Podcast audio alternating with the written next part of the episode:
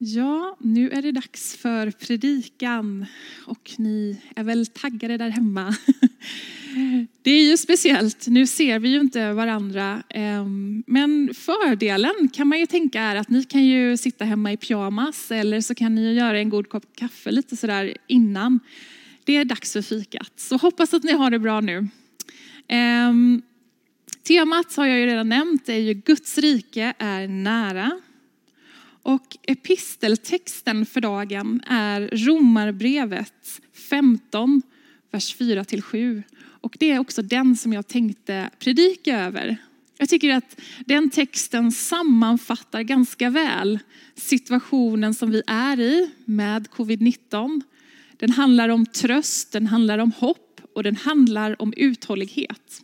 Så därför så tar vi den idag Eh, och stannar upp inför. Och det är alltså Romarbrevet kapitel 15, vers 4 till 7. Där står det så här.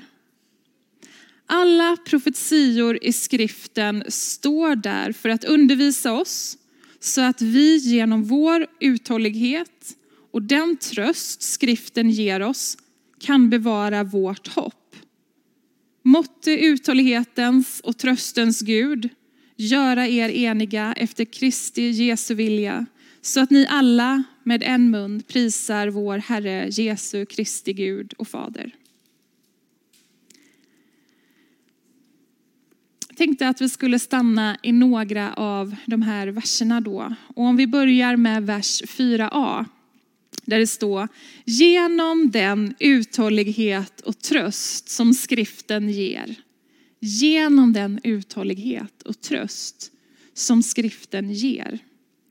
Och då blir ju min direkta fundering och fråga till er, vilka bibelord lever du med just nu som ger dig tröst? Bibeln är full av tröst. Och ingen har ju varit med om exakt covid-19 här i Bibeln såklart. Men liknande utmaningar Eh, liknande livsöden där man lever med stora utmaningar och ja, man önskar att det vore på ett annat sätt helt enkelt. Eh, men jag lever med ett bibelord just nu ifrån Johannes 14 som jag tänkte dela med er. Eh, Johannes 14 och 27. Och det är taget ur Jesu avskedstal när han ska ta avsked ifrån sina lärjungar, sina närmsta vänner och det är väldigt mycket ovisshet. Och då säger Jesus så här till sina lärjungar. Frid lämnar jag kvar åt er. Min frid ger jag er. Jag ger er inte det som världen ger. Känn ingen oro och tappa inte modet. Johannes 14, 27 och 28 står det så i. Jesus vill ge oss sin frid. Han ger inte det som världen ger. Han vill ge av sin frid. Och han säger också till både lärjungarna och oss idag, tappa inte modet. Så det är ett bibelord som ger mig tröst just nu. Vad har du för bibelord? Och om du inte har något så får du gärna ta mitt. Ehm, Vers 4b fortsätter så här. Skriften ska bevara vårt hopp. Bevara vårt hopp, tänker jag stanna lite i. Bevara vårt hopp. Hur gör vi det i dessa tider? Hur bevarar vi vårt hopp? Så vi inte hamnar i hopplöshet. När jag slog upp ordet hopp i en ordbok så står det att synonymer till hopp är förlitan, förtröstan, förhoppning, förväntan, tillförsikt, ljusglimt och utsikt. Så dagens bibelord ställer frågan till oss hur vi ska bevara vår förtröstan, vår förväntan och vår tillförsikt i dessa tider. Vad tänker du om detta? Hur bevarar du ditt hopp? För mig så handlar det ganska ofta om att perspektiv ger mig hopp. Att Gud genom alla tider har varit trofast. Mose som var i öknen i 40 år. Maria som blev gravid som tonåring. Mitt eget liv, att Gud har varit med, det ger mig hopp. Men också att zooma ut mitt eget liv, min egen situation till den lite större berättelsen för att behålla perspektivet. Det ger mig också hopp. Att jag får vara del av någonting större, en församling, min familj. Och jag vet att det ser olika ut med dessa tillhörigheter de här dagarna. Men vi kan få vara varandras hopp. Och hopp är inget som vi behöver bära omkring på, utan hoppet finns i oss. Och jag tänker på Ebbe idag, den här fantastiska lilla människan. Han ger oss hopp om framtiden, om nuet genom att bara vara. Och så är det med oss också, men vi glömmer det ibland. Vi ger varandra hopp genom att bara vara de vi är. I den femte versen idag så står det att vi får tro på uthållighetens och tröstens Gud. Vad har du för gudsbild och hur skulle du beskriva Gud?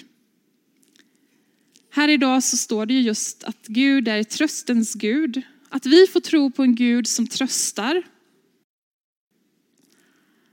Det är ganska stort om ni låter det få sjunka in. Att vi får tro på en Gud som är tröstens Gud.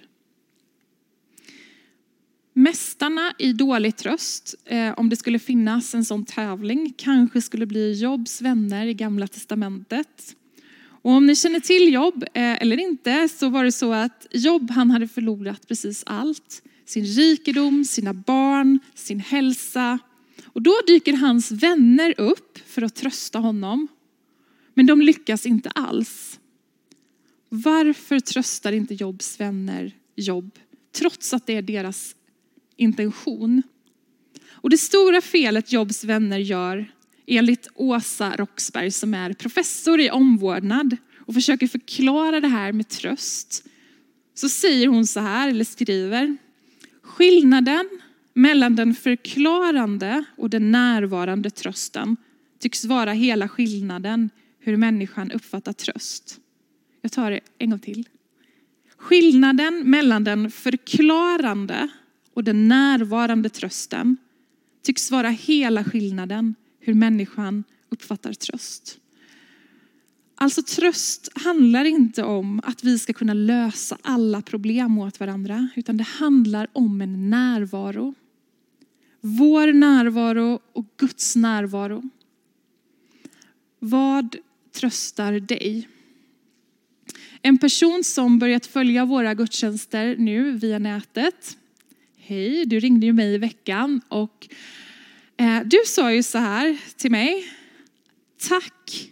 Eh, eller så här, jag får som tröst av att vara inne och kolla på era gudstjänster och se att ni fortsätter att göra det som ni alltid har gjort. Tänk på det lite. Att det är en tröst att försöka fortsätta göra det som vi alltid har gjort. Att fira gudstjänst skänker tröst. Att tända ljusen, att be tillsammans, sjunga tillsammans. Och jag vet att det inte är samma sak som när vi kan mötas. Men det kan ändå få skänka tröst till oss och till andra. Så, ja. Vikten av att få känna tröst i dessa tider, det är nog det jag försöker säga någonting om. Att det inte handlar om att försöka lösa alla problem, för det kan vi inte. Men att vi får vara närvarande för varandra i ett telefonsamtal, fråga hur det är.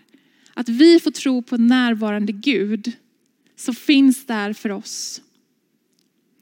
Dagens episteltext och dagens predikan så har Gud försökt att påminna oss om att vi behöver bibelord som ger oss uthållighet och tröst. Vi behöver bevara vårt hopp.